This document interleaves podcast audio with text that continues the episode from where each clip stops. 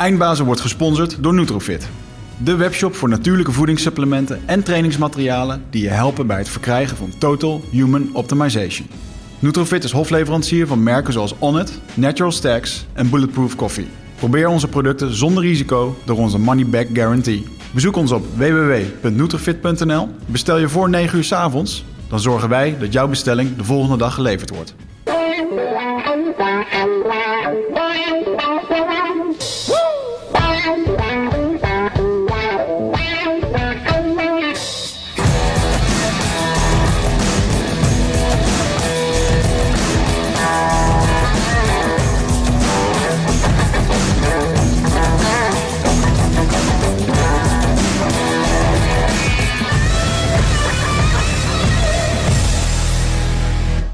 Oké, wat heb je vanochtend gegeten, jongen? Wat heb ik vanochtend gegeten? Ik heb vanochtend, ah, eh, onderweg hier naartoe heb ik eh, een koffie verkeerd gehaald. En een ehm, wrap met zalm en spinazie en ei. Als ik dan wat haal bij een eh, benzinestation, dan is de keuze of broodjes uh, of een wrap als ik me iets verantwoordelijk voel met een, uh, in combinatie met een smoothie of iets dergelijks. Maar dat was het uh, ontbijt vanochtend. Mm. En bij jou? Reclame, bulletproof koffie. Ja. ja. Nee, ik ben weer na twee weken lang vet eten en veel suiker ben ik teruggegaan naar mijn vast dieet. Dus s ochtends eet ik niet veel behalve bulletproof koffie. Mm. En voordat ik naar de studie ging, nog even drie gebakken eieren en een, twee avocado's. Hey, jij moest van Frans weer goed meer eten, hè? Ja, ik, ik, moet meer dan ik moet een beetje 2500 calorieën aantikken ja. per dag. Valt me wel op dat vaak als je met mensen naar hun voeding kijkt, dat uh, dat een van de dingetjes is waar ze toch wel uh, vaak een issue hebben. Niet zozeer dat ze uh, te weinig, uh, hoe heet dat, ze eten vaak te weinig. Ja, dat deed ik ook. Ja, ja. Te, te weinig calorieën. En dan vulden ze zichzelf in de avond met een snack attack of iets dergelijks. Ja, en dan vul je weer te veel vetten of koolhydraten aan inderdaad. Maar goed. Ja man.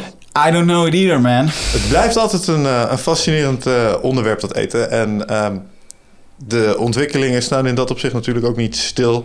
Ik bedoel, dat wat we dachten dat 50 jaar geleden gezond eten was, daar denken we nu natuurlijk heel anders over. Hmm. Um, en in dat kader leek het ons wel weer eens interessant om. Uh, we hebben natuurlijk vaker in de podcast gesproken over voeding, om het onderwerp weer eens even aan te tikken en het weer eens te actualiseren. En in dat kader hebben we vandaag in de studio zitten Daan de Wit. Daan, welkom. Hoi. Jij schrijft boeken over voeding. Ik schrijf over voeding uh, en um, ja, vind het inderdaad, wat je zegt, een fascinerend onderwerp. Waarin veel is veranderd in de loop der tijd, ja. Ja, maar jij was niet altijd bezig uh, uh, met voeding. Dat is een uh, onderwerp dat heeft jou een pad gekruist. Ja, zo kun je, zo kun je dat zeggen, ja. Mijn interesse is, is eigenlijk omgedraaid van ver weg naar steeds dichterbij. Het eerste wat je dan tegenkomt is je bord. Mm. En toen dacht ik in één keer van, wat, is, wat gebeurt daar? Wat doe ik? Wat eet ik? Uiteindelijk ehm, uh, ben je wat je eet, dat is een bekend cliché. Mm -hmm. um, dus toen dacht ik van ja, ik wil wel echt wel weten hoe dat nou precies zit. Want ik uh, dacht ook gewoon, je gaat in de supermarkt, alles wat daar ligt is uh, goed gekeurd op de een of andere manier. Het zal goed voor je zijn. Mm. En je weet natuurlijk wat je denkt dat je weet. Um, maar op een gegeven moment dacht ik van nou, toch eens even goed gaan kijken. En toen zocht ik eigenlijk een boek uh, dat dat goed zou uitleggen aan me. En toen merkte ik dat iedere keer uh, schrijvers of instituten op de een of andere manier wel verbonden waren. Of het is een arts die op een bepaalde manier denkt en al een artsopleiding heeft gehad en dan weinig kennis over voeding heeft. Of het is een, um, uh, iemand van de universiteit die weer gesponsord wordt door de industrie. Uh, of het is iemand en die denkt vanuit een bepaalde uh, wijze. Hè? Dus die, of een veganist, of een vegetariër of, of, of, of, wat dan ook, paleo. Maar dat is een bepaalde hoek. Mm -hmm. Ik wil gewoon helemaal zeg maar, objectief onafhankelijk uh, iemand horen die dat aan me zou vertellen. Mm. Dus, uh, en dat vond ik niet. Dus toen ben ik het uiteindelijk stapje bij stukje voor stukje zelf gaan doen. En heb uiteindelijk ja, zeg maar, het boek geschreven wat ik had willen lezen. Ja, ja dat zit een beetje in jouw aard, dat uh, dingen uitpluizen. Je zei, je zei het er net zelf al, joh, ik kom van ver uh, naar heel dichtbij. Want um, je, je schrijft boeken, maar niet alleen over voeding. Je bent je carrière wel begonnen als schrijver, als journalist. Maar toen schreef je over hele andere thema's. Ja, en later dacht ik, en vroegen mensen me ook wel eens van... wat is nou de rode lijn erin, of de rode draad? Ja. Is die er wel? Maar volgens mij is die er wel. En dat is namelijk dat ik steeds een beetje achter het gordijn wil kijken. Hoe zit het nou echt? Vertel me nou hoe het echt zit. Um, En in het begin ehm, kon ik mijn ei kwijt via een, een website. Die heb ik uh, zo'n 13 jaar gedaan. En toen ben ik naar aanleiding daarvan... Ehm, uh, ja, uh, heb ik het eerste boek geschreven over Iran. Hè, er een, een, oorlog wordt voorbereid toen de tijd tegen Iran. En hoe Iran zeg maar um, op de korrel uh, lag. Mm. Vervolgens um, was het het onderwerp van de Mexicaanse griep. Heb ik me daar helemaal in verdiept. Volgens mij staat echt alles over dat onderwerp in dat boek. En toen kwam het uiteindelijk nog dichterbij, zeg maar dat bord. En toen was er die voeding. En toen was dat toch minder eenvoudig dan ik had gedacht als je nou alle tijd, want ik heb het een beetje tussendoor gedaan, bij elkaar optelt, dan ben ik er echt wel twee jaar mee bezig geweest. Ik heb wel 40 pagina's met voetnoten. Mm -hmm. um, omdat ik uh, wist dat, uh, ja, als ik iets vertel, dat had ik al eerder geleerd, wat een beetje tegen de stroom ingaat, dan moet ik wel heel goed beslagen ten ijs komen. Wil het overeind blijven. Dus ieder onderwerp bekijk ik echt van alle mogelijke kanten zodat ik het echt kan beheersen, zou ik maar zeggen. Ja, ja, ja, ja dat begrijp ik. Um, je, je, zegt, je zegt daar iets. Um, op het moment dat je een controversieel onderwerp aanraakt, moet je goed beslagen ten ijs komen. Uh, je hebt, daaruit maak ik op dat je op je boeken uh, De Volgende Oorlog was het. het boek over de, volgende of de aanval op Iran en dossier Mexicaanse griep. daar ben je op weerstand gestuurd? Nee, maar ik, ging van, ik ga van tevoren al uit, bij wijze van spreken, van weerstand of de, mensen die uh, proberen de stoelpoten onder me vandaan te zagen. Dat ik al ga denken van wat gaat iemand zeggen? Wat kan iemand denken? Ah, dus als ik een bron citeer, dan moet ik al weten of die bron solide is en hoe die bron in, in het verleden is aangepakt. Hoe, uh, wat de kwaliteit is van het onderzoek dat ik aanhaal. Uh, dat ik gewoon iedere keer bedenk van wat kan er uh, gebeuren als, um, als iemand uh, daar iets tegen wil inbrengen. Hmm. Dus daar hou ik van tevoren rekening mee. Dus zo wordt het, verdwijnt ook heel veel informatie, want die is gewoon niet sterk genoeg. Ja. Wat was het eerste wow-moment waarvan je dacht van hoe kan dit? Bij het uitbrengen van dit boek. Uh, hoe bedoel, wat betreft de reacties of wat betreft je ging, gewoon, je ging ontdekkingen doen, uh, ja. waarvan je denkt van, nou, dit, uh, dit wist ik niet en dit ja, zoveel dingen. Maar een, een van de dingen was bijvoorbeeld, je had het net over vet eten, maar dat, dat vette eten, dat vond ik echt heel apart. Um, en dat het dus ook lekker is en dat we dat in het verleden eruit hebben gehaald. Dus ik ben helemaal terug gaan kijken van waar is dat in het verleden nou misgegaan? Welke, afslag is, welke afslagen zijn er genomen? Wie heeft dat gedaan? Hmm. Welke commissies? Welke rapporten? Um, en inderdaad, toen zag ik, dat was eigenlijk een soort boog die ik heb ontdekt, al researchend. Al researchend van, uh, dat is ook de ondertitel geworden van het boek Gezond eten op basis van de oudste kennis en de nieuwste wetenschap. Die oudste kennis is, uh, ja, volken die al duizenden jaren hebben bewezen gezond te kunnen eten. Wat is hun geheim? Daar is onderzoek naar gedaan in de tijd dat dat nog kon. Pak een beetje 80, 80 jaar geleden kon je nog de hele wereld over. Op zoek naar volken die nog niet in aanraking waren geweest met de toen opkomende voedingsindustrie. Uh, dat hebben uh, ik citeer ongeveer tien mensen die dat gedaan hebben, de hele wereld over gegaan. Eentje die valt heel erg op, dat die, die heet Weston Price, daar heb ik een heel hoofdstuk aan gewijd. Uh, die is op veertien plekken geweest in de wereld. Ja, op sommige plekken is hij niet geweest. Hij is niet in China geweest en niet in India. Dat zijn mm. natuurlijk gigantische delen. Hij was natuurlijk ook maar alleen. Ja. Maar hij deed wel zijn eigen onderzoek. Hij financierde dat ook zelf. En hij zag dat iedereen totaal verschillend at. Want een Eskimo eet natuurlijk heel anders dan een Maasai of een Maori of een Aboriginal... Mm. of iemand voor de kust van Schotland of in een afgelegen bergdorpje. Um, maar de overeenkomst was dat die mensen hele grote hoeveelheden vetten, vitamine en mineralen tot zich namen. En dat vond ik interessant, want er was dus wel iets wat die mensen samenbracht, ondanks dat ze zo verschillend waren. En wat ik nog interessant vond, was dat, uh, dat is het andere deel van die, van die ondertitel, de nieuwste wetenschap, is dat die nieuwste wetenschap dat weer bevestigt. En dat, dat is een soort, soort boog, en dat we dat tussenin dat is de huidige tijd waarin we nu zitten. Mm -hmm. En dat zie je dus ook terug in de cijfers. we worden dik en ziek. Uh, want we maken te weinig gebruik van die oudste kennis en te weinig gebruik van de nieuwste wetenschap. Hmm. Ja, die Weston Price, daar ben ik wel eens vaker op teruggekomen hier. Dat is die man die ook onderzocht Um, waar in gebieden waar bijvoorbeeld stammen alleen maar plantaardig aten, hoe dat ze dan toch aan die vetten kwamen. En dat ze speciaal voor de zwangere vrouwen dan heel ver gingen lopen, dagenlang om vis te vangen. En juist die vetste onderdelen eruit haalden. Om ah, zwangerschap was, heel belangrijk, want dat was natuurlijk het voorbestaan van de groep of de stam of het mm, volk. Ja. Dus er werd heel veel aandacht aan besteed. Hè? Hij vertelt ook over volken die, waarvan zo'n koppel dan zei van, uh, ja, we vinden elkaar leuk, we willen verder. Zeggen ze, oké, okay, prima. Want ze wisten, na een huwelijk komen de kinderen huwelijk uitstellen tot uh, in de lente. Want in de lente is er nieuw gras en die koeien die uh, leveren dan betere melk. En dat is dan een betere start. Sterker nog, je ging eigenlijk al voordat je aan die conceptie begon, al in een soort programma, werd ook de man helemaal volgestopt met alles wat goed is, wat die stam in de omgeving kon vinden. Dat wisselt enorm, want voor die kust van Schotland was er vaak niet zoveel te vinden. Mm. Uh, op het land, maar wel natuurlijk in de zee. En soms was het weer andersom, er was er op het land weer meer te vinden. Maar wat die groep dan ook kon vinden, daar werd het toekomstig echt echtpaar helemaal mee volgestopt. En dan kwam er het kind. En dan uh, moest die vrouw weer herstellen. Mocht pas drie, vier jaar later weer aan tweede kind beginnen.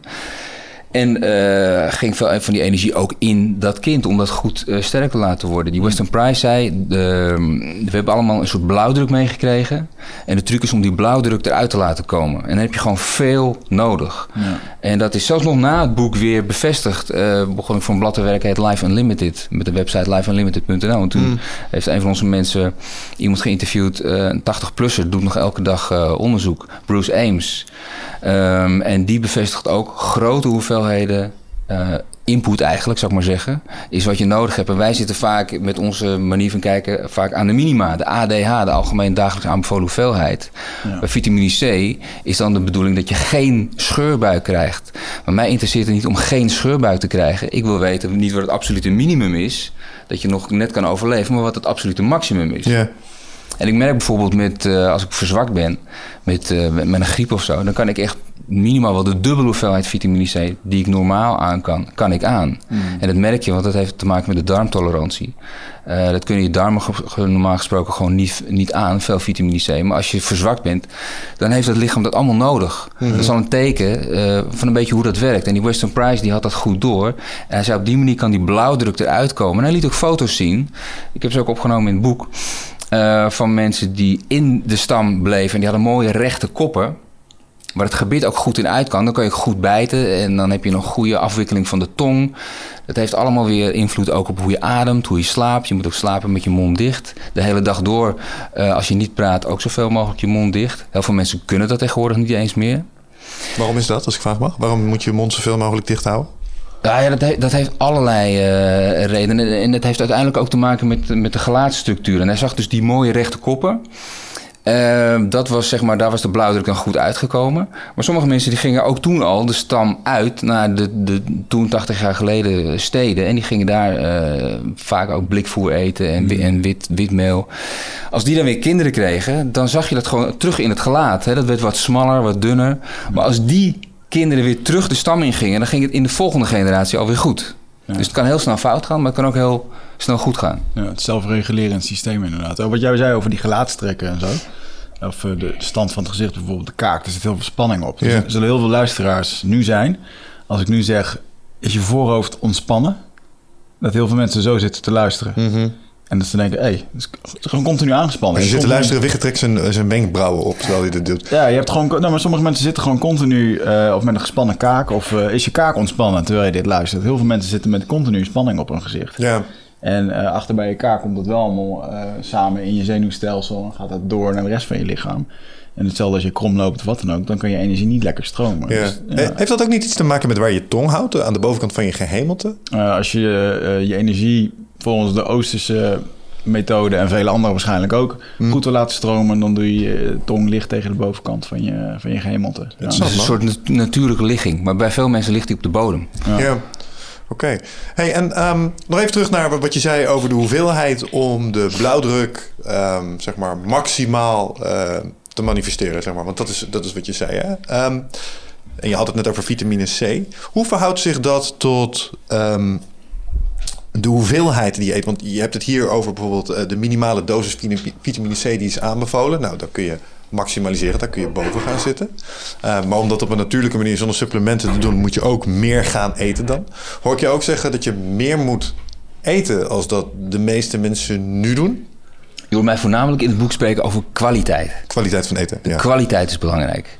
Hè, En dan hebben mensen, denken bij mensen bij kwaliteit snel aan biologisch. Maar dat, dat- ik heb het bijna niet over biologisch. Dat vind ik, eh, dat zijn voor mij de- al de details. Ik heb het over eh, snel, ehm, grote stappen snel thuis. En daarna, dat, dan zit je al meer achter in het boek, komen de details. En eh, zeg ik van ga, nog, ga nog zelf nog eens kijken wat goed bij jou past. Ga, nog eens kijken naar paleo. Is dat niet iets voor je? Wat kan raw voor je doen? Kijk eens naar Ayurveda, ehm, mediterraan. Maar de grote stappen snel thuis zijn bijvoorbeeld ehm, dat je ook heel veel dingen weglaat.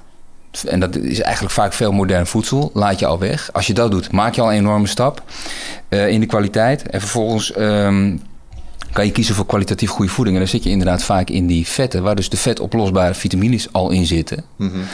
Ehm, en heb je het bijvoorbeeld over zalm of goed vlees of over avocado, eh, over dat soort eh, dingen, over eieren.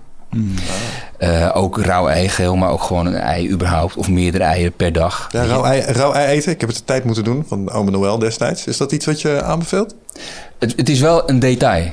Maar het is wel, ik vond het wel een grappig detail. Wat ik wel, wel eens doe, is dat als ik groente bak, dan tik ik een eitje erboven en dan eet ik het eh eigeel rauw op en het eiwit bak ik mee. Oh, oké. ja. Maar nogmaals, het, het, het is een detail. Eh, je kan beter eh, met die grote stappen denken in termen van... ik voeg aan mijn eh roerbakgroente ehm, de gelatine toe die ik eerder heb gemaakt... eh, door een bouillon in te laten Ja, ja, ja. dampen. Ja. Juist. Zo'n bouillon, daar kan je een, eh, een kippenbouillon kan je een soep van maken. Als je elke keer kip eet, dan gooien we het belangrijkste weg van die kip. We eten het vlees op, maar het belangrijkste gooien we weg, het botje.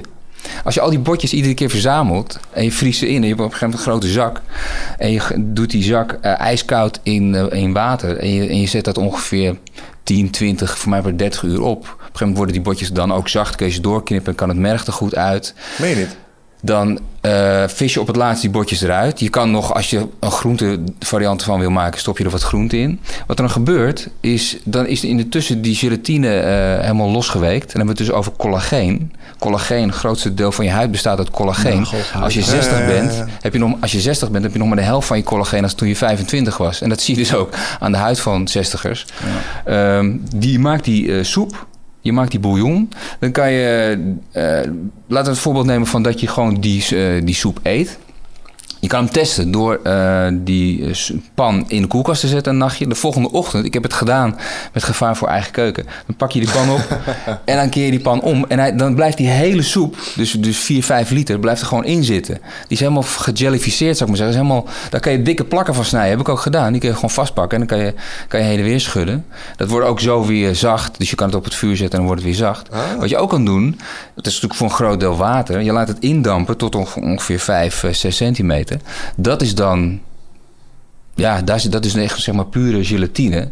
Dat zit eh, bomvol met collageen. Eh, dat doe je in ijsblokjes eh, vorm. Ik heb uiteindelijk de goede vorm zijn van de blokker, want die hebben een zachte onderkant. En dan kan je het er weer uittikken. Want als het echt keihard wordt, dan is het heel moeilijk om die blokjes eruit te halen. Dus met een zachte onderkant, dat is het makkelijkste. Ehm, en dan maak je gewoon heel veel van die blokjes. En die doe je in de vriezer. En iedere keer als je gaat koken, dan tik je een paar van die dingen erbij. Want je hebt niet heel veel nodig. Ehm, om eh, ja, een bijdrage te leveren aan je lichaam. Waar ik iedere keer bij het boek om neer eh, terugkom, is de natuur. Dit is natuurlijk heel basaal. Hè? Dat deden die Indianen ook die door Western Price waren bezocht. Op een gegeven moment zag je een hele grote berg liggen met allemaal versnipperde botsplinters. Toen dacht hij ook, wat is daar gebeurd? En toen bleek dus inderdaad dat ze die botten echt totaal hadden opgebruikt. En ik, daarom zeg ik ook, het belangrijkste deel van een koe of een kip zijn de botten.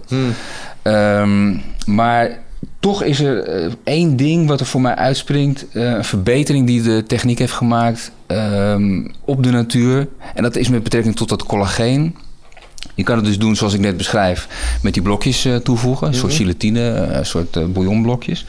Maar de techniek die daarna er weer is op toegepast... is dat ze de, de enzymen die, waar het collageen, die, die gelatine uit bestaat... die ze, kunnen ze dan opknippen op de een of andere manier. Ze drogen dat in. Ze, volgens mij is het een soort vriesdroogtechniek. Ze knippen dat op de een of andere manier op. Natuurlijk niet met een schaar, maar ze knippen die enzymen op. En dan ontstaan er collageenpeptides... En dat kan je gewoon in de winkel kopen. eh, collagen peptides. eh, en dan heb je weer, er zijn geloof ik al 15 verschillende soorten collageen. Vaak wordt het verkocht per 1 en 3. Type 1 en 3.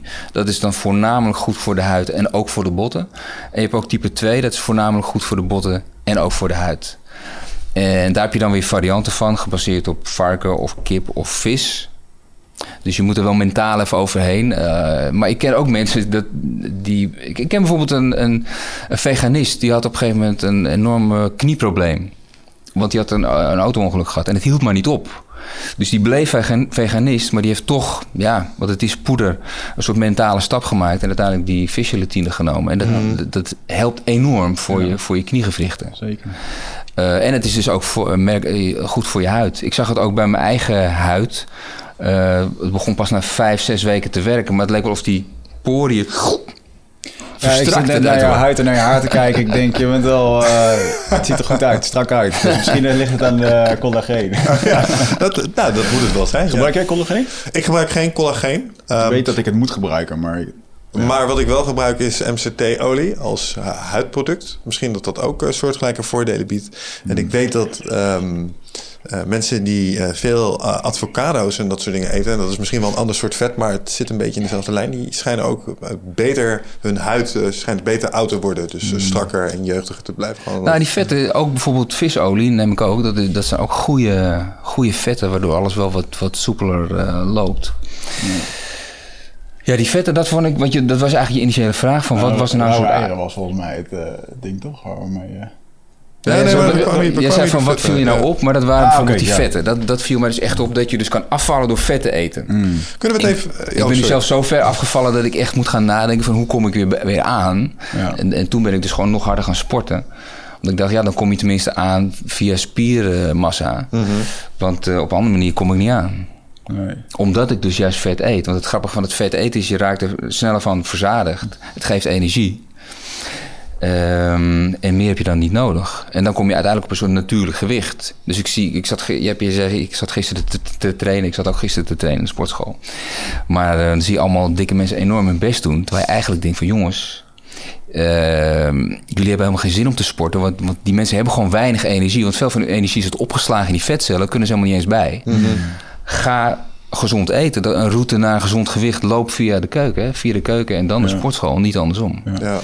Sport is natuurlijk nooit verkeerd, maar...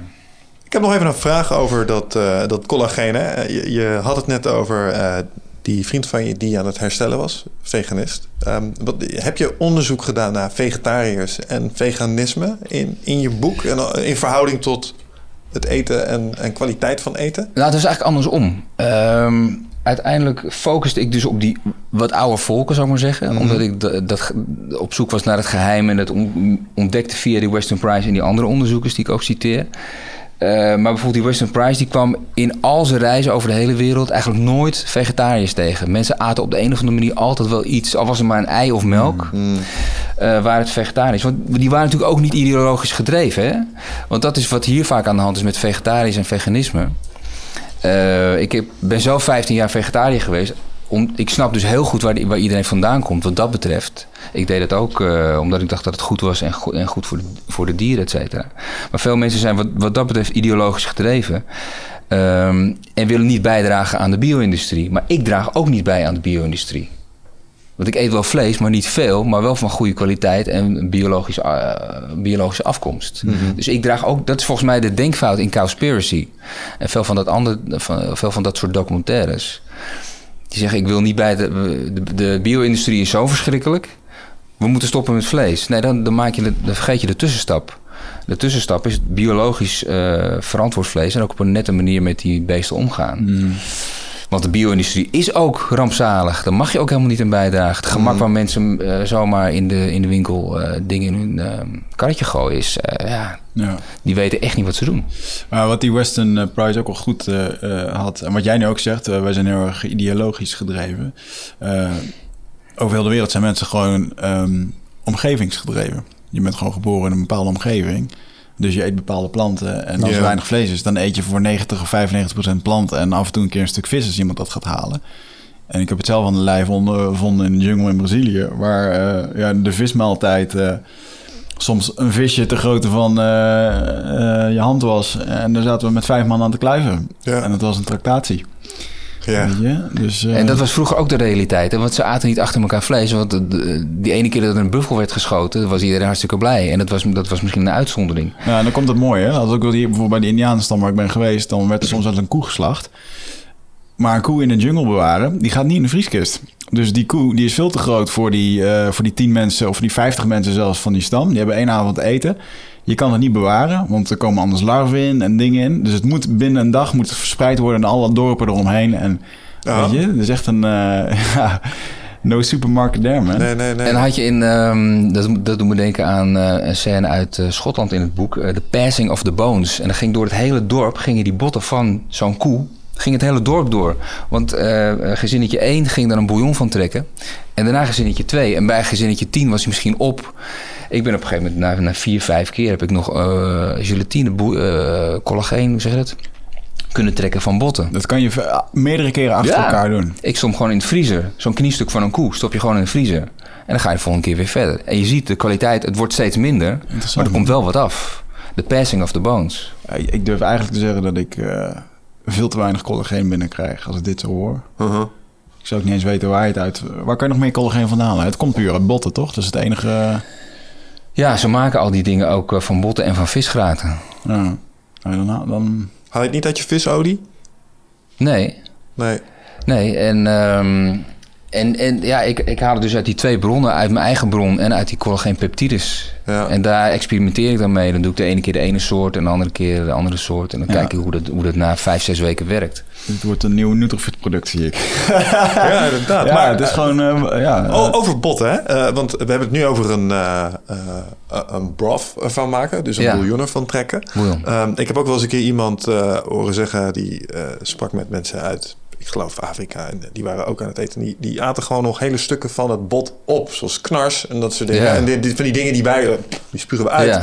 Eh, die eten zij gewoon op. Ja. Hele stukken... eh, Zit daar nog een... eh, af, ik- haal je er ook zo collageen uit? Dus als ik nu mijn sparrows eet en ik kluif vervolgens dat bot op... eh, ben ik dan collageen aan het consumeren? Of ben ik Nou, iets heel doms aan het doen? Ik, nee, ik weet ook dat paleo mensen die eten ook op het bot. Ik heb, ben op een gegeven moment ook verder gegaan. En met eh, kippenbotjes, die zijn natuurlijk wat dunner en kleiner. eh, kan je een kleine stap maken door als, dat, als je dat heel lang laat staan. Kijk, eigenlijk is het na zes uur al goed. Maar als je het 20 of 30 uur laat staan. En s'avonds ga je gewoon naar bed, doe je de deksel erop. Volgende dag ga je weer verder. De natuur legt er dan ook een heel mooi vetlaagje op. Ter bescherming bijna. En de volgende dag ga je weer verder. Dan ben ik het op een gegeven moment een beetje gaan prakken, die botten. Het verdwenen eigenlijk bijna alle botten. Echt de, de hele grote harde stukken. Maar dat waren eigenlijk helemaal niet zoveel. Die heb ik er dan wel uitgevist. En alles werd eigenlijk heel klein. Eh, kortom, eh, die bouillonblokjes die ik er toen van gemaakt heb... die bevatten ook hele kleine stukjes eh, bot. Heb ik gewoon allemaal opgegeten. Met het Ja. idee van het zal wel, goed- het zal wel goed zijn. Super voedzaam. Ik, ik snap alleen echt wel als je vegetariër, veganist bent en je hoort dit. nou, We zijn ook vanuit het perspectief van de kip wel echt monsters. Ja, Botten prakken. Ja, maar ik zit hier wel te kijken naar. Wij, hier zit bijvoorbeeld een blog met deze 11 voedingsmiddelen geven jouw collageen een flinke boost. Dus bijvoorbeeld witte kool of avocado zit er ook in. Oké. Eh, avocado zorgt ervoor dat je collageenproductie verhoogt. Dus rode rood fruit, rode groenten, bonen, vis, knoflook, wortels, citrusvruchten, lijnzaad, dikke, donkere bladgroenten en soja. Soja ook. Soja bevat namelijk het planthormoon genestine. Dit hormoon zorgt ervoor dat je collageen toeneemt. Het versterkt de huid, blokkeert ook nog eens de enzymen die normaal gesproken de huid verouderen. Maar dit is zeg maar één eh, idee, één onderdeeltje. Maar het hele idee, is, het hele concept is eigenlijk gewoon... eigenlijk terug naar de natuur. Ja. Simpel gezegd.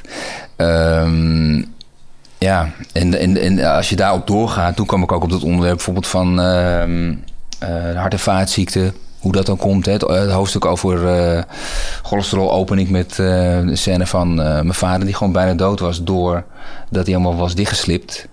Eh was nog maar een heel klein deel van één van de, van de slagader was nog maar eh, open. Ja, was gewoon bijna dood. In een, in een ander tijdperk was hij gewoon echt doodgevallen. In het andere tijdperk zou je ook kunnen denken, was het misschien niet zo ver gekomen. Ja. Ja. Hè, Want hoe, hoe, hoe, hoe komt het dat mensen dichtslippen? Ja, er wordt al heel snel gekeken naar, eh, ja, laten we zeggen, de plaatsdelict. Je treft daar de vettigheid aan, hè, dat cholesterol.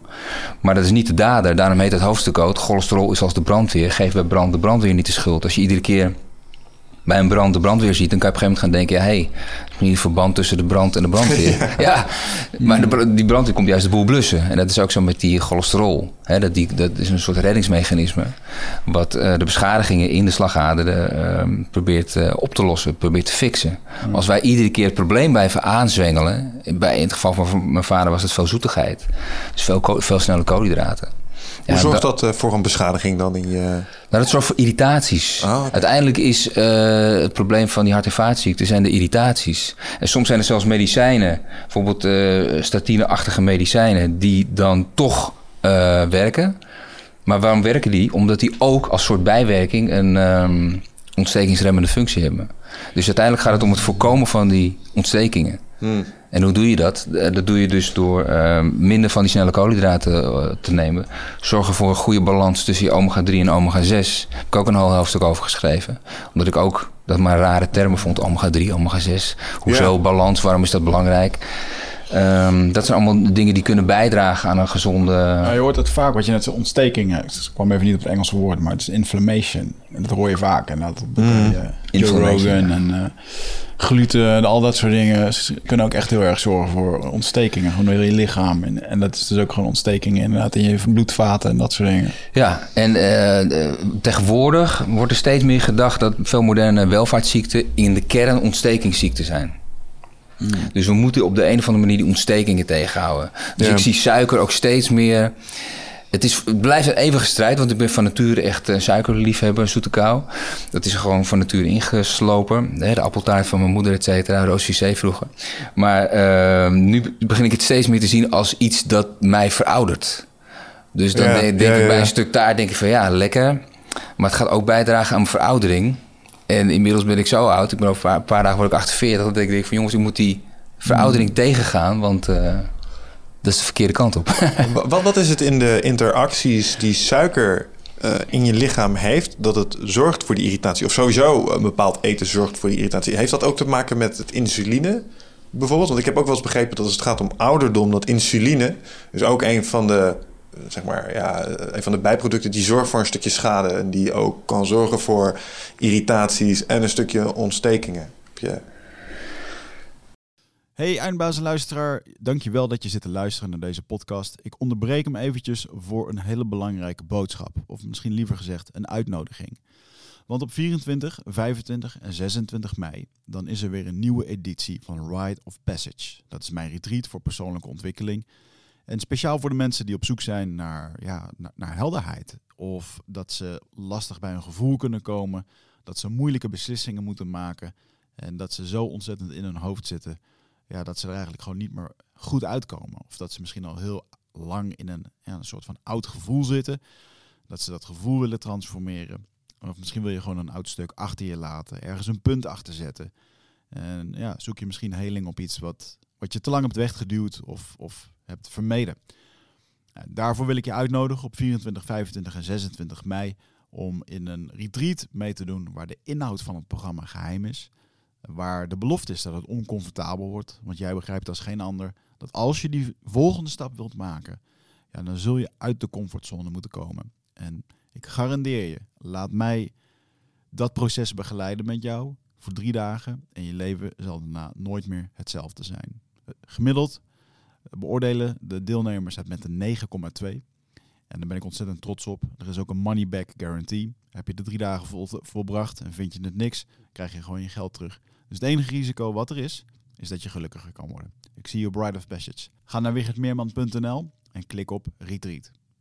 Ja, kijk, die, uh we, we, eten gewoon te veel suikers als je het, het vergelijkt met uh, hoe je het natuur, op een natuurlijke manier kan binnenkrijgen. Hoe dat vroeger ging. Mm. Op een gegeven moment zijn we ook de vrucht gaan hacken. Want vroeger kregen we natuurlijk ook uh, suiker binnen en, en, glucose en fructose door vruchten.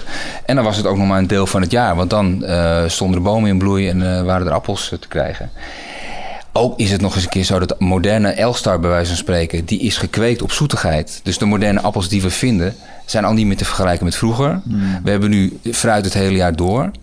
En we zijn de vrucht op een gegeven moment gaan hekken en dan zijn we het suiker uit de vrucht gaan halen. En dan ook nog eens een keer de fructose, die nog weer voor het lichaam harder aankomt dan uh, de glucose. Hmm. Eh, tafelsuiker is voor de helft glucose en eh, voor de andere helft fructose. Wij zijn die fructose eruit gaan halen en op een gegeven moment overal aan gaan toevoegen. Ik zag een keer, de, je hebt die zo'n film, eh, That Sugar Movie of That Sugar Film of zo. En dan eh, zie je een eh, scène van de supermarkt en dan halen ze overal uit de schappen de producten weg waar suiker aan is toegevoegd. Nou, dan blijft er niet veel over. Nee, nee. Dus je moet zelf als een soort jager-verzamelaar eigenlijk door de supermarkt heen. En goed kijken. En dan veel meer kijken met de blik van je lichaam. Wat wil mijn lichaam? Hè, dus we kijken vaak met ons misleide verstand. Omdat we denken te weten hoe het eh, moet. Of we kijken met, eh, omdat we ter plekke honger hebben. Eh, of we kijken met onze verslaving. Bij onze suikerverslaving. Je moet veel meer kijken met de blik van je lichaam. Wat is goed voor je lichaam? Daarom heet het boek ook Weet wat je eet. Want als je ten diepste snapt hoe het werkt, wat er gebeurt als je het opeet, dan ontstaat vanzelf de motivatie. En dan is het ook niet zo moeilijk om eh, goed te eten. Plus, het grote voordeel is dat je op deze manier ook lekker kunt eten. Ja. Toch, toch denk ik dat die suikerverslaving waar je het over had, die is echt zo sterk bij, bij ons. Mede inderdaad door je jeugd. Maar eh, we hadden hier mevrouw Bibian Mentel. eh, acht heeft acht keer kanker gekregen. En die vertelde hier letterlijk... Ik weet dat ik geen suiker moet eten. Want het zet mijn lichaam inderdaad... Wat jij zei, het, veroudert je lijf. Ze ook... Ja, maar eh, zeker bij kanker moet je geen Ze suiker. ook, het, het- mijn lichaam komt dan in een soort staat waarin het gedijt. Maar ik kan het niet laten staan. Het, het, eh, en dat is, want wat jij zegt is, joh, als je het bewustzijn maar hebt, dan wordt het makkelijker. Maar zelfs al ben je een topsporter en, en weet je het, dan is het ehm, natuurlijk doet ze het wel veel minder als dat ze het zou willen. Dus ze past haar gedrag wel aan. Maar dan alsnog is Ja. het zo moeilijk om het ja, te laten suiker is staan. moeilijk, zit heel diep. Ja, plus als je het één keer eet, dan, eh, dan zwengel je het gewoon meteen maar aan. Ik kan dat ook, kan het zes weken niet doen. Dan denk ik, nou, chocoladereepje.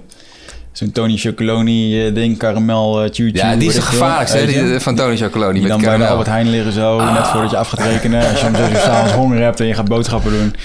En dan, eh, dan merk ik gewoon... eh, ik had de afgelopen twee weken weer zo'n zulke weken. En dan, eh, dan rijd ik gewoon langs de supermarkt en denk ik, ja... Ik ga nu gewoon die zak chips halen.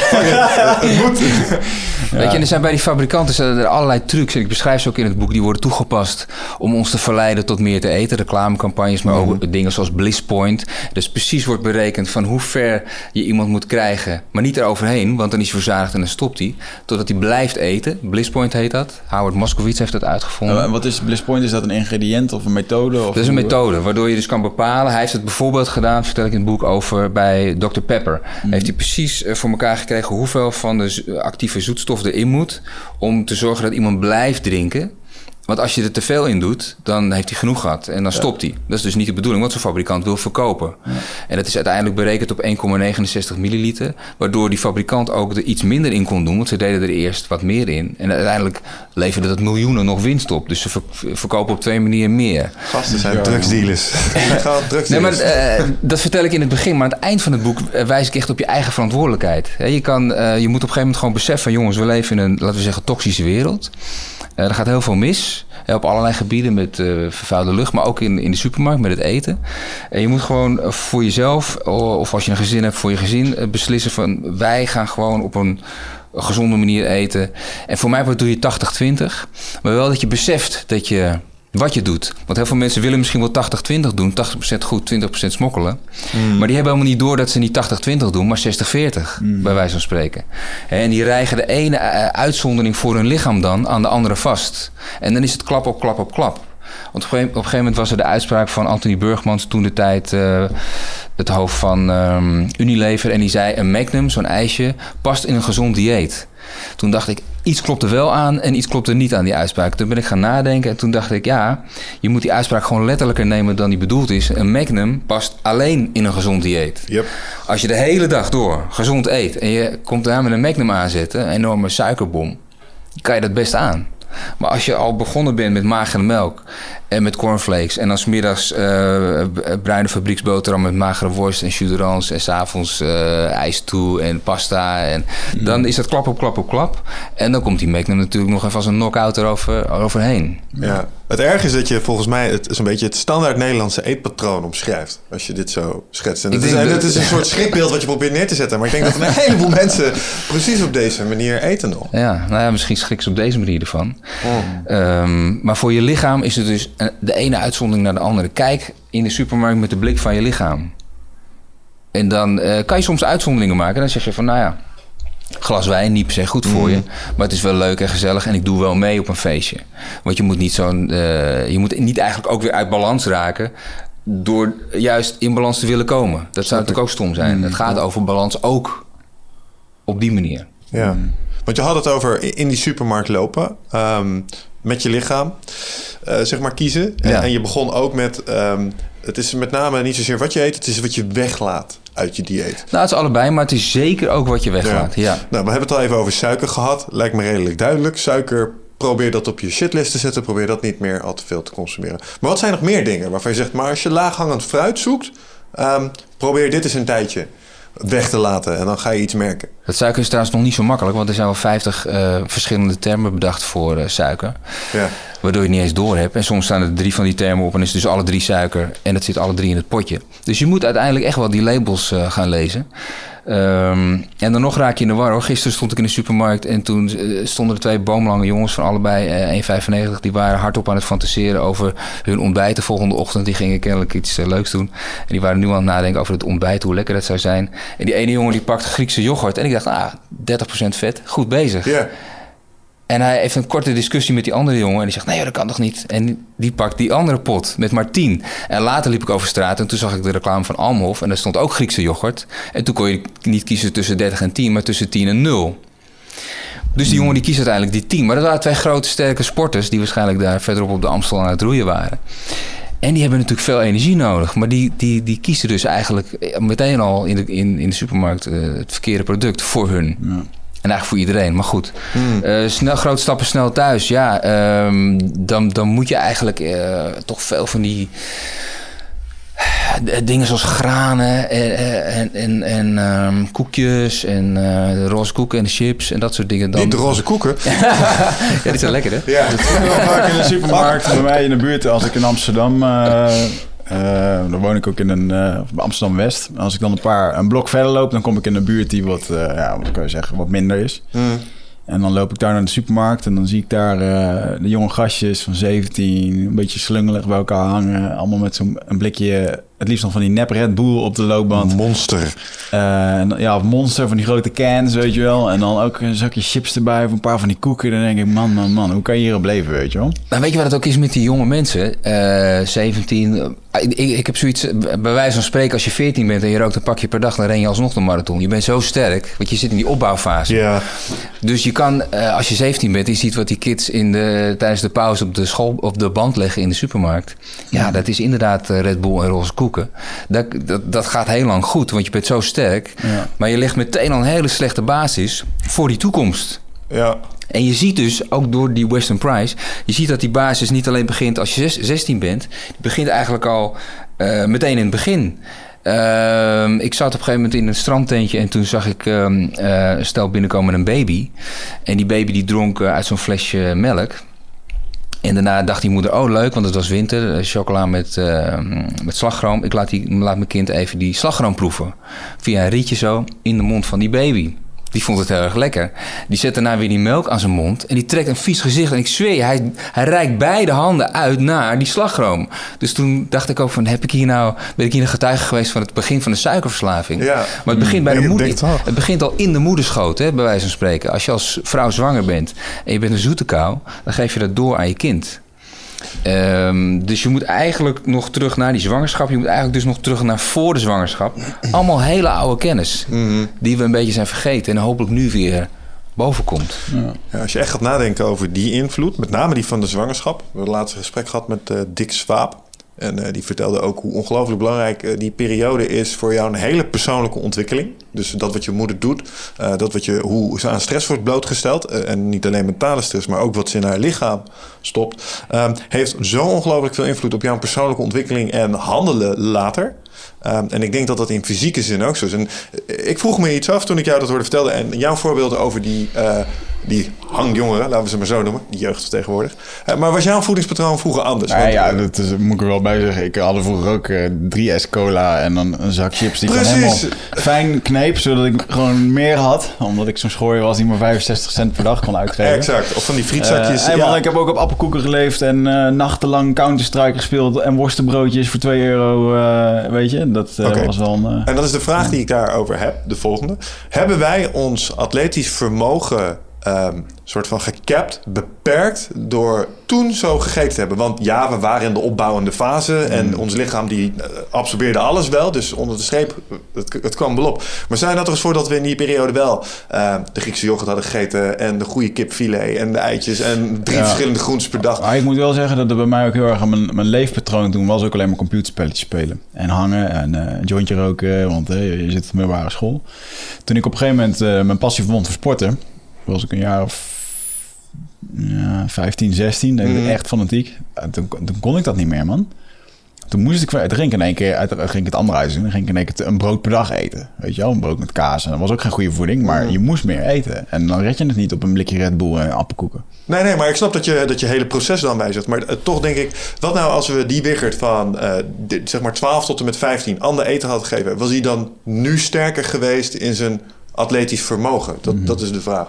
Ja. Dat, dat denk ik wel. Je kan ook zeggen, wat, wat was er met, met die Wiggert gebeurd... als die lijn had doorgetrokken naar het einde? Hmm. Ja, uh, ja. Dat was denk ik verkeerd gegaan. En daar betalen we allemaal aan mee natuurlijk. Want toen ik vertelde over mijn vader en die, en die operatie, ja, die hebben wij met z'n allen betaald, die operatie. Maar als hij daarna, ik ben met hem daarna, toen het allemaal gebeurd was, dat gebeurde in het buitenland, meegegaan naar de cardioloog. Dan krijgt hij weer het standaard verhaal van uh, te veel cholesterol, uh, veel, te veel verzadigd vet. Daarna is hij naar de uh, diëtist geweest en die zegt, het enige wat hij daarvan heeft onthouden is dat hij BCL op zijn brood moet smeren. Terwijl dat gemaakt is van plantaardige olie, veel omega-6, ontstekingsbevorderend in plaats van remmend. Dus precies het verkeerde wat je op je brood moet doen als je al een hartprobleem hebt. Um, ik citeer op een gegeven moment ook uh, Remco Kuipers. Die uh, is nog maar jong. Ik geloof nu misschien 37 of zoiets. Maar die heeft toch al tien jaar uh, in het, het, veld van Tanzania... bij de laatste jagerverzamelaars uh, onderzoek gedaan. Is cardioloog in opleiding in het OVG, waar ik hem ook heb opgezocht. En ehm, hij zegt dat de, onze huidige beste atleten het nog niet halen bij uh, de, laten we zeggen, redelijk gemiddelde mensen van hmm. voor uh, bijvoorbeeld de um, periode dat we zijn gaan boeren. Er zijn een paar grote mijlpalen geweest. Uh, dat is een van is 10.000 jaar geleden. Toen zijn we van jager-verzamelaar naar boer gegaan. Aan de ene kant kun je naar veel meer mensen voeden, want je hebt veel meer energie om te verdelen. Maar de kwaliteit daarvan is gewoon niet zo goed. Volgende mijlpaal is uh, industriële revolutie. En de volgende mijlpaal is zeg maar de afgelopen 50 jaar. En dat is natuurlijk de periode, waarin we, die de periode waarin we nu zitten, van die laatste mijlpaal. En, eh, maar zelfs nu al, al zou je nu al teruggaan, eh, las ik laatst nog weer een voorbeeld van iemand. Um, als je nu al terug zou gaan naar de periode van voor 1965, dus dat is nog niet eens zo lang geleden, als je al een beetje op die manier zou gaan eten, zoals echt je, je oma en, en, en nog weer verder terug dan zou je al een enorme stap maken. Dus uh, ja, ik denk wel dat we, dat we vroeger groter en sterker uh, waren. En dat we, dat we nu echt nog in een soort herstellende. Nou, we zitten eigenlijk niet eens in een herstellende fase, want we doen het niet. Maar als je het privé doet, dan zit je in een soort van herstellende fase ten opzichte van je voorouderen. Is dat zo? Worden wij, zijn wij niet. Uh, worden we kleiner en zwakker ten opzichte van hiervoor? Nee, maar serieus, want eh, volgens mij als je kijkt naar, naar de groei van Nederlanders of uh, West, Westerlingen ten opzichte van de rest van de wereld, wij, wij schijnen ongelooflijk te groeien. Mede omdat wij zo'n zo'n overvloed hier hebben in ons eten. En, en het voorbeeld wat ze dan altijd bij, bij aanhalen is, dan zetten ze zo'n soldaat uit Noord-Korea zetten ze neer. En dan zetten ze zo'n West-Koreaan zetten ze ernaast. En dan zie je het verschil even in wat uh, goed veel eten tot je beschikking hebben met je doet over generaties. Maar het is ook, ook klimatologisch bepaald. En uh, we zijn, wij, eigenlijk zijn we gewoon een soort van vikingen hier. Ja, we zijn natuurlijk ook wel, geloof ik, het langste volk of zo. Maar, maar lengte, kijk maar naar veel van die meiden van tegenwoordig. Die zijn wel heel lang. Maar die zijn, ik, ik vraag me af hoe sterk die zijn. Ja. Mm. En, die, en, hoe, en hoe, hoe sterk zijn die als ze uh, 60, 70 zijn, weet je? Nou ja, dat, dat, is wel... Ik zat nu een beetje te kijken naar die hurricane die dan door Florida gaat... en waar, of iedereen op Sint Maarten ging in één keer plunderen. En daar hebben wij het ook vaak over, hè? Dat is mm. drie dagen de stroom uit in Amsterdam. En dan komt de echte mensen boven. Um, en dan denk ik wel eens van ja Sommige, soms dan kijk ik naar mensen en denk ik, jij zou geen dag overleven in die wereld, weet je wel? Of überhaupt in een primatenwereld waar je gewoon eh, voor jezelf zou moet zorgen. Eh, of inderdaad eh, krachttraining, nooit enige inspanning gedaan. En als je dat in 30 jaar niet doet en het wordt in één keer acht.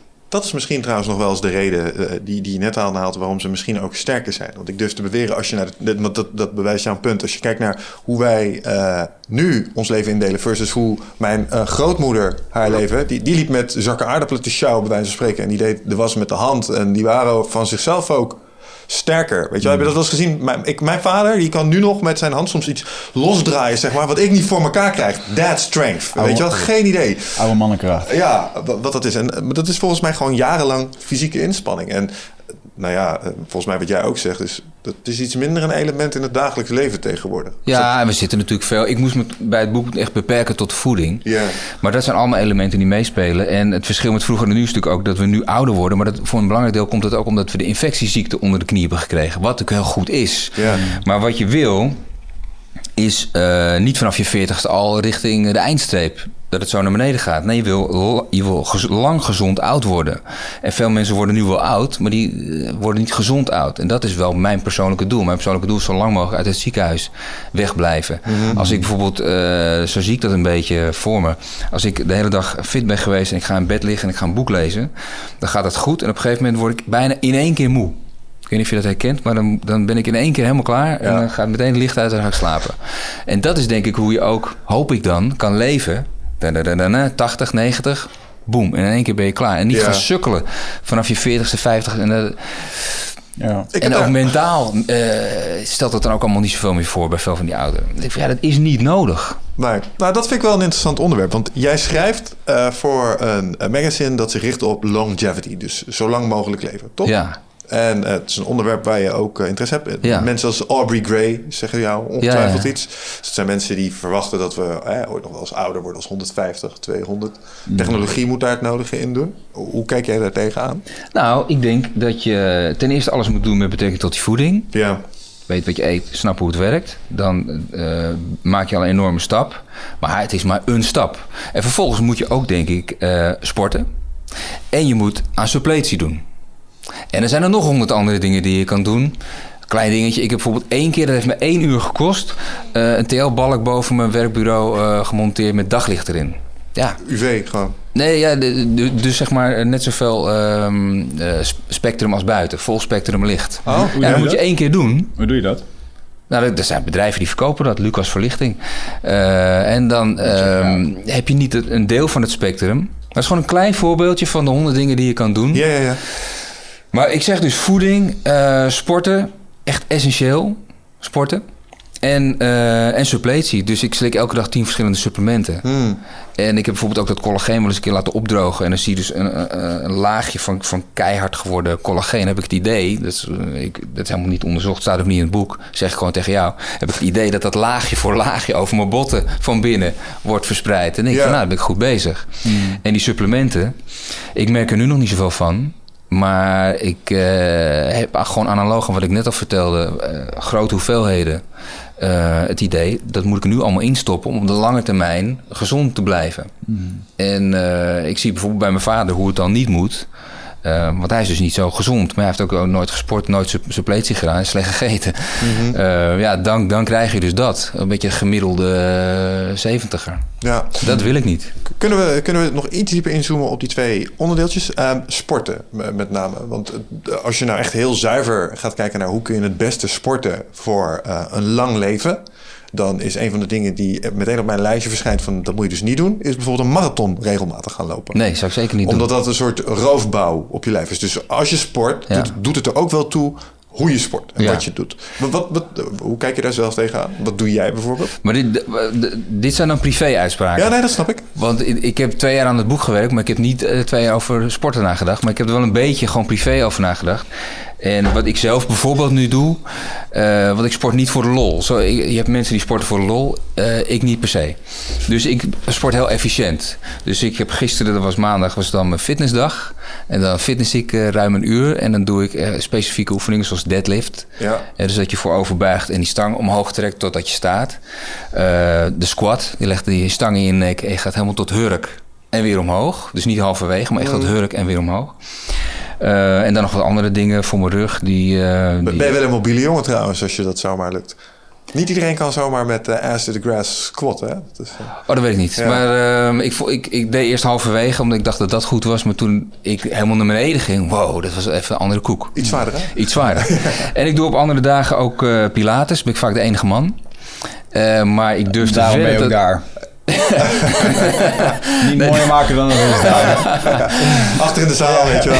Maar ik durf te- even rustig hoor. Oh, oh, een beetje last van mijn Maar ik durf te wedden dat veel van die mannen bij de, de fitnessafdeling eh, echt niet eh, meekomen bij, bij de Pilates en het eind van die oefening halen. Want ik haal ook vaak het einde niet. Het is gewoon niet te doen. Wat doe je precies bij Pilates? Pilates gaat over het middenstuk van je lijf. Dus je rug en je buikspieren. En, en dat stuk. En ook een beetje je- bij je heupen. Dus je, je ligt bijvoorbeeld, om maar wat te noemen, op je zij. En dan moet je je, je ene been omhoog doen. Ja. En naar voren omhoog en naar achter omhoog. Nou, ongelooflijk zwaar.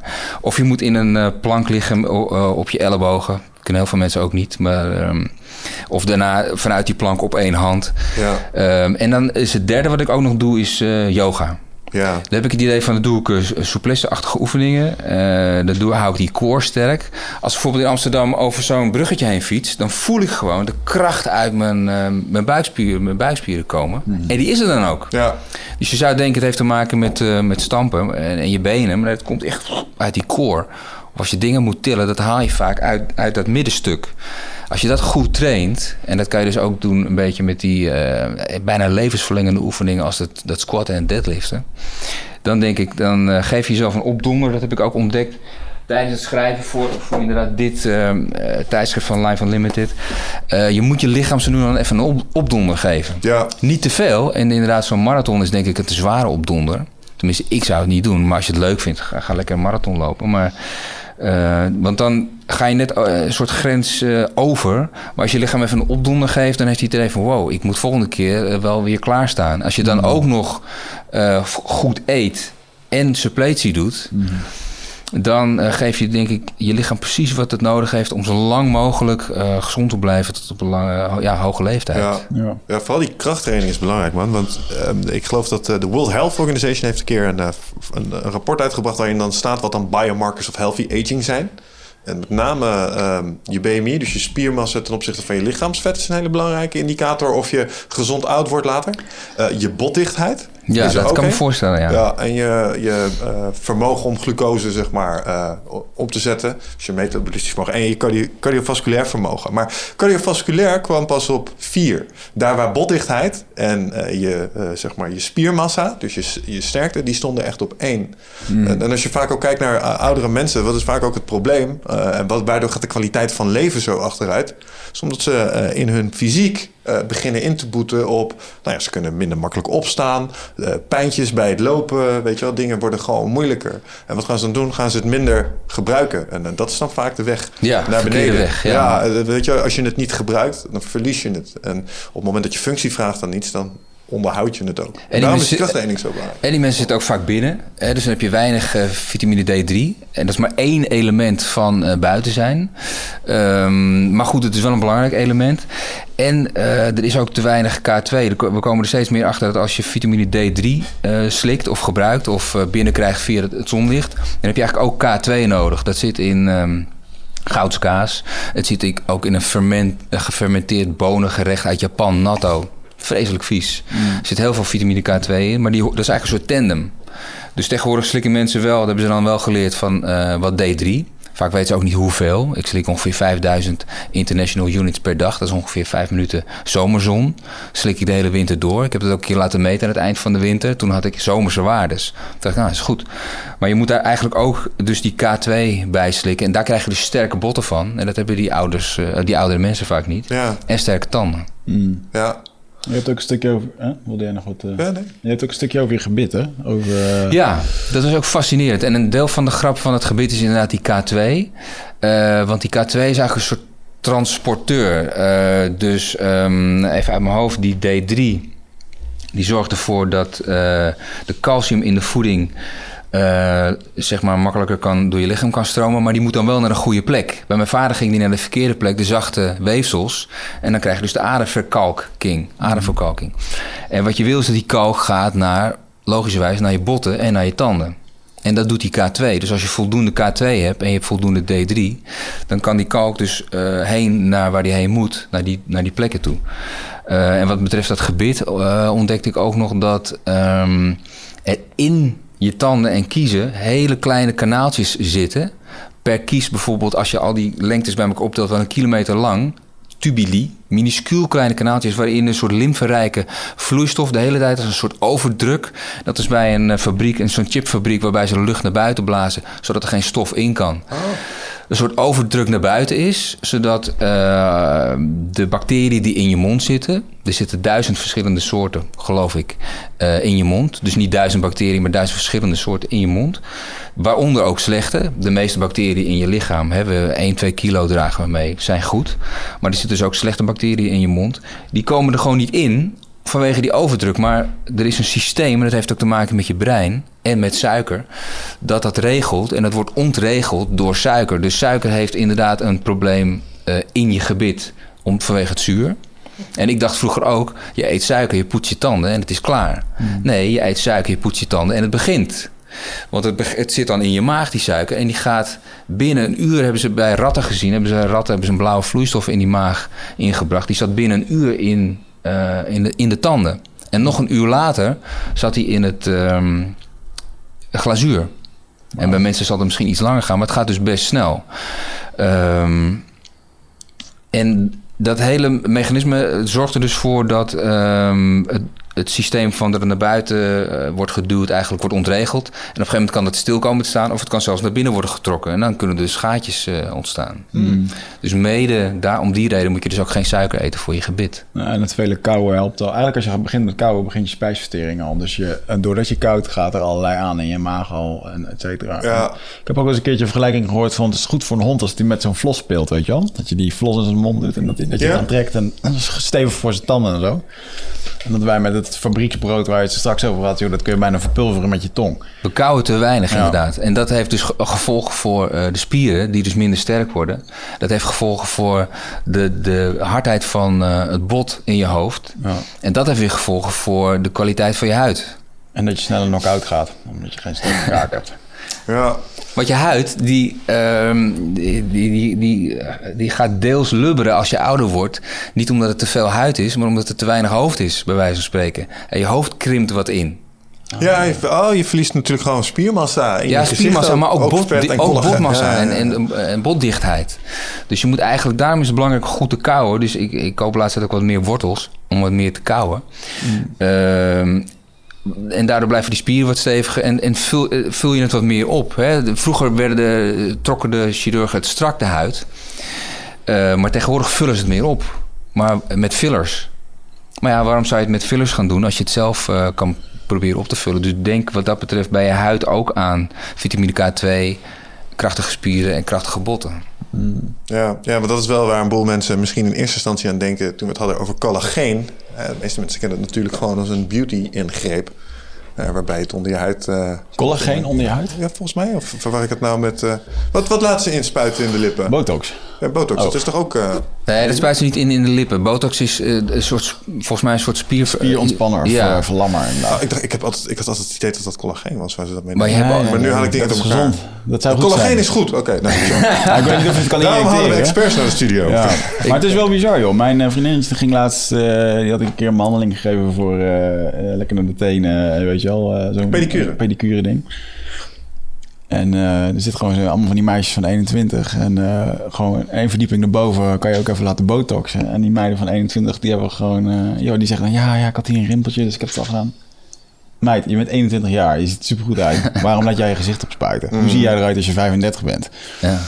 Hmm. Dat is een scary thing, man. Ja, want het is toch tox. Op de een of andere, ik weet niet wat voor tox het is, maar het is botox. Ja, dat is toch een soort toxine. Ja, ik weet nog dat ik... Uh, toen was ik 19 jaar, dus 16 jaar geleden bijna. 15 jaar geleden liep ik in Thailand in een, in een, uh, in een warenhuis. En daar kon je dit soort dingen gewoon, kon je gewoon naar binnen lopen. Kon je dat soort dingen gewoon doen. En ik verbaasde me er echt over. En nu zijn we gewoon in Nederland, kan je dat ook gewoon doen. Je kan gewoon Amsterdam ergens naartoe lopen en je gezicht vol laten spuiten zonder enige medische... Uh, mm-hmm. Ja, dan zit er iemand in een witte jas die een cursus heeft gedaan. Ik ken zelfs een vriend van mij. Zijn vriendinnetje heeft een schoonheidssalon en hij uh, heeft een cursus tandenbleken gedaan. En dat zei hij met een grote grijns. Hij zei, ja, ik heb er een cursus voor gehad, twee dagen. Ja, en dan heb je dus een certificaat om dat te doen. Mensen hebben geen idee bij wie je naar binnen loopt. Weet je wel? Om een of andere pipo die ik gewoon ken nog van vroeger. Waarmee ik op stap ging. Ja, jij weet wat hij deed ja, ik weet, ik weet wat deze man doet, weet je wel. En die gaat dan in één keer om zijn vriendin te helpen een cursus volgen van twee dagen. Die die, die, die natuurlijk gratis krijgt van zo'n organisatie die allemaal van die meuk levert om je tanden te bleken. Holy shit. Fuck jongen, dit is echt een wereld. Ja. Beter nemen de route eh, die eh, Daan predikt, namelijk eh, via je voeding hier het nodig gaan doen, of in ieder geval via levensstijl. Ik ben wel even benieuwd. ehm, je zegt ik neem 10 supplementen per dag. Pak een beet, ja. ja, ja. Welke supplementen neem je allemaal? Ehm, even kijken, op een gegeven moment de koelkast en daar zit dan de visolie in en de D3. En dan heb ik ook nog ehm, dus die K2 waar ik het net over had, een B-complex, spirulina, magnesium, ehm, zink, maar niet elke dag. Ehm, en ook saw palmetto, maar ik, dat is voor, voor mannen en prostaat en zo, leek me ook wel goed. Maar ik weet, dat eh, zaagblad, ik weet niet wat de, wat de Ne- Nederlandse benaming van is. Ben ik even aan het uitproberen. Ehm, en misschien ben ik nog iets vergeten, maar, maar, maar ongeveer dit. Ja, gewoon de, en vitamine C natuurlijk. Ja, Lekker veel. En dat is op die manier denk ik van dat ik het wel een soort de minimale dingen doe. Ja. En het is heel simpel. Ik, elke dag ehm graai ik er gewoon in, want het zijn bakjes, daar, zit- daar zit het al in. Ik hoef niet al die potten open te maken. Tik het weg en, eh, en klaar ben ik. En ik ben, begin natuurlijk 's ochtends met die collageen, maar dat moet je doen voordat je aan de eiwitten begint, 1, 2 uur. Dus eh, dat doe ik gewoon eh, meteen als ik wakker word, collageen. En dan later pas mijn Griekse yoghurt met... eh, Dat doe je echt gewoon. Eh, dat doe je, ja, ik doe dat dus niet. Dat Timing van je timing en eh bonen mengen met Ik heb dat en een- en zo. Nee. tijd lang gedaan, omdat het toen de tijd had je zoiets dat heette het anabolic window. Dus zei iedereen, eh, je moet het in het eerste uur na je krachttraining moet je eten, want dat is het eh, perfe- perfecte moment om je eiwitten te consumeren. Ja. Bleek echt compleet bullshit zijn. Is dat van je, dat had Tim Ferriss ook, hè? De Ultimate in zijn body workout. Ja, en, en dat binnen- bleek later gewoon bullshit te wezen. Dus niet binnen 30 minuten eh, zoveel gram eiwitten. Nee, dat is, hij heeft twee dingen. Als je opstaat, en eh, de- daarvan weet ik dan niet. Of dat werker zegt, eh, het beste is als je opstaat, binnen 30 minuten na opstaan, eiwitten consumeren. Ja. Want dat, dat doet iets met je, met je eh zuurtegraad in je maag, volgens mij. Ik geloof dat dat de truc is. Nou, bij collageen eh, is het geen goede mix eiwitten. Niet? Oké. Nee, dus dan moet je gewoon even dat in laten werken... of in ieder geval 1, 2 uur tussen laten zitten. Nou, kleine moeite. Ja, want in dat opzicht, ik weet ook dat er sommige supplementen zijn... als je die tegelijkertijd neemt, dan heffen ze elkaar ook een beetje op. Dus eh, ik geloof dat dat iets met... eh, hoe heet dat product? Strongbone, wat we hebben. Wat zat daar ook alweer in? Van Onnit. Dat is ook zo'n bot... eh, I don't know, man. Ja, daar zat iets in. Maar als je dat combineerde met magnesium, dan hief het me. Dat, vertelde Noël me. Dat hij zegt dat moet je twee uur uit elkaar nemen, want anders werkt het elkaar als het ware tegen. Dus eh, timing van eten, zo af en toe doet het er wel toe. Dus Ja, maar, maar, maar nogmaals, dat zijn de, denk ik de details. Zorg dat je gewoon die grote stappen maakt. Hè? Dan eh, hoef je ook niet te veel na te denken. En dan kan je heel veel doen. ja. Waar sta je naar aanleiding van dit boek ten opzichte van brood? Nou, in het begin eh, kwam ik kwam dit onderwerp in via het onderwerp suiker. Want er is wel zoveel over te vinden. Uiteindelijk heb ik vier hoofdstukken geschreven. één daarvan in het boek, drie online. Ehm, en heb ik toen zoveel geschrokken dat alles wat met suiker te maken had, dus ook brood, ben ik mee gestopt. Ehm, nu ben ik er wel iets genuanceerder over, meer de 80-20 idee. Ehm, en met betrekking tot brood denk ik, ja, graan. eh, hè, dan denk ik toch ook weer aan de, die periode van 10.000 jaar geleden dat we zijn gaan boeren die ons niet goed is bevallen. Liever niet zoveel graan. Dus ik doe ook sowieso geen pasta meer. De avondmalen zijn, zijn echt alleen groenten met vettigheid, bijvoorbeeld crème fraîche en die ehm bouillonblokjes er doorheen en vlees of vis. Maar geen pasta of aardappels of wat dan ook. En brood, ja, het zit zo in onze cultuur. Smiddags is het ook zo handig. Maar dan kies ik het liefst voor zuurdesembrood. Omdat je dan 90% van eh, de zogenoemde antinutriënten in dat graan... want dat graan wil zich verdedigen. Dat wil niet worden opgegeten en dat heeft eh, geen tanden. Dus dat heeft een eigen verdedigingsmechanisme. Dat zijn de zogenaamde antinutriënten. Waardoor de nutriënten, wat je eet uiteindelijk voor de nutriënten, voor de voedingsstoffen, die worden dan weer een soort van uitgespoeld door, eh, door ehm, wat er in dat graan zit. En dat kun je voor 90% afbreken met zuurdesem. Zuurdesembrood is hartstikke lekker. Dus dat kun je niet in één uur maken. Dat kost, eh weet ik veel, 30 uur om te laten rijzen. Er zijn bakkers die maken dat. Ehm, en dan eh, ja, eet je lekker relatief gezond brood. Maar je blijft natuurlijk die bloedsuikerspiegel piek houden. Ik ken iemand die had zo'n bloedsuikerspiegel meter. En die schrok zich rot van één bruine boterham. Want dat ging echt poink meteen enorm omhoog. Ja. Van één boterhammetje. Ja. En die, eh, die was diabetes en die is nu geen diabetes meer. Maar mede doordat hij zo goed oplette. Met ook brood. Dus brood, ja, eh, probeer het eh, een beetje uit te faceren. Maar het is... Of als je een ei eet, doe dan niet twee bo- ge- eh, spiegelei, doe dan niet twee boterhammen, maar één bo- boterham met een enorm ei eroverheen. ja, ja, ja. ja, dat kan ook. Weet je, dat kan ook nog. Lastig met zuurdesembrood. Want daar ben ik Ja. ook een fan van. En dan eet ik gewoon drie van die boterhammen. Of, of lastig met, ik ben gek op hamburgers. Maar ja, waar doe je dat dan op? Ja, doe ik het toch op een bolletje. Dan denk ik van ja. Ja. Weet je wat daar een goede tip voor is? Wat ik zelf al eens geprobeerd heb. Je kan van die portobello's eh, kan je halen. Ja. Het zijn Oh, broodjes. oké. Eh, als je die bakt en je legt daar een hamburger op. Ja, dat is best lekker. Oké. Dat is super smakelijk zelfs. Oké, Ja. grappig. ja, kun je tussen twee van die dingen... Dat heb, heb ik dan nog niet geprobeerd, maar het zou kunnen. Leuke tip. Yes. I need to go, man. Ja. Eh, willen jullie nog even verder? Of ga ik... eh, ga We gaan nog even foto's maken. En, ehm, waar, kunnen mensen jou, ehm, waar kunnen mensen jou vinden als ze meer willen weten? Naar Nou, er staat heel veel podcast? gratis over het boek eh, te lezen op de website bij het boek. En dat is weet wat je eet, hetboek.nl. Ehm, dus dan eh, hoef je het boek nog niet eens te kopen. Dan kan je heel aan het eind komen. En dan kan je ook recensies lezen, eh, ook van professionals, ehm, aanbevelingen, et cetera. Weet wat je eet, hetboek.nl. Oké, perfect. Ik, eh, ik heb in ieder geval eh, een boel dingen uitgehaald. En ik weet één ding zeker. Ik ga zo dadelijk eerst eens een potje collageen eh, Ja, ergens online bestellen. En dat gewoon eens uitproberen. Ehm, Binnenkort te koop bij Nutrifit. Zeker. Goed bezig. Oké, Daan, bedankt voor je tijd en je aanwezigheid. En tot de volgende keer. Dankjewel. Ciao.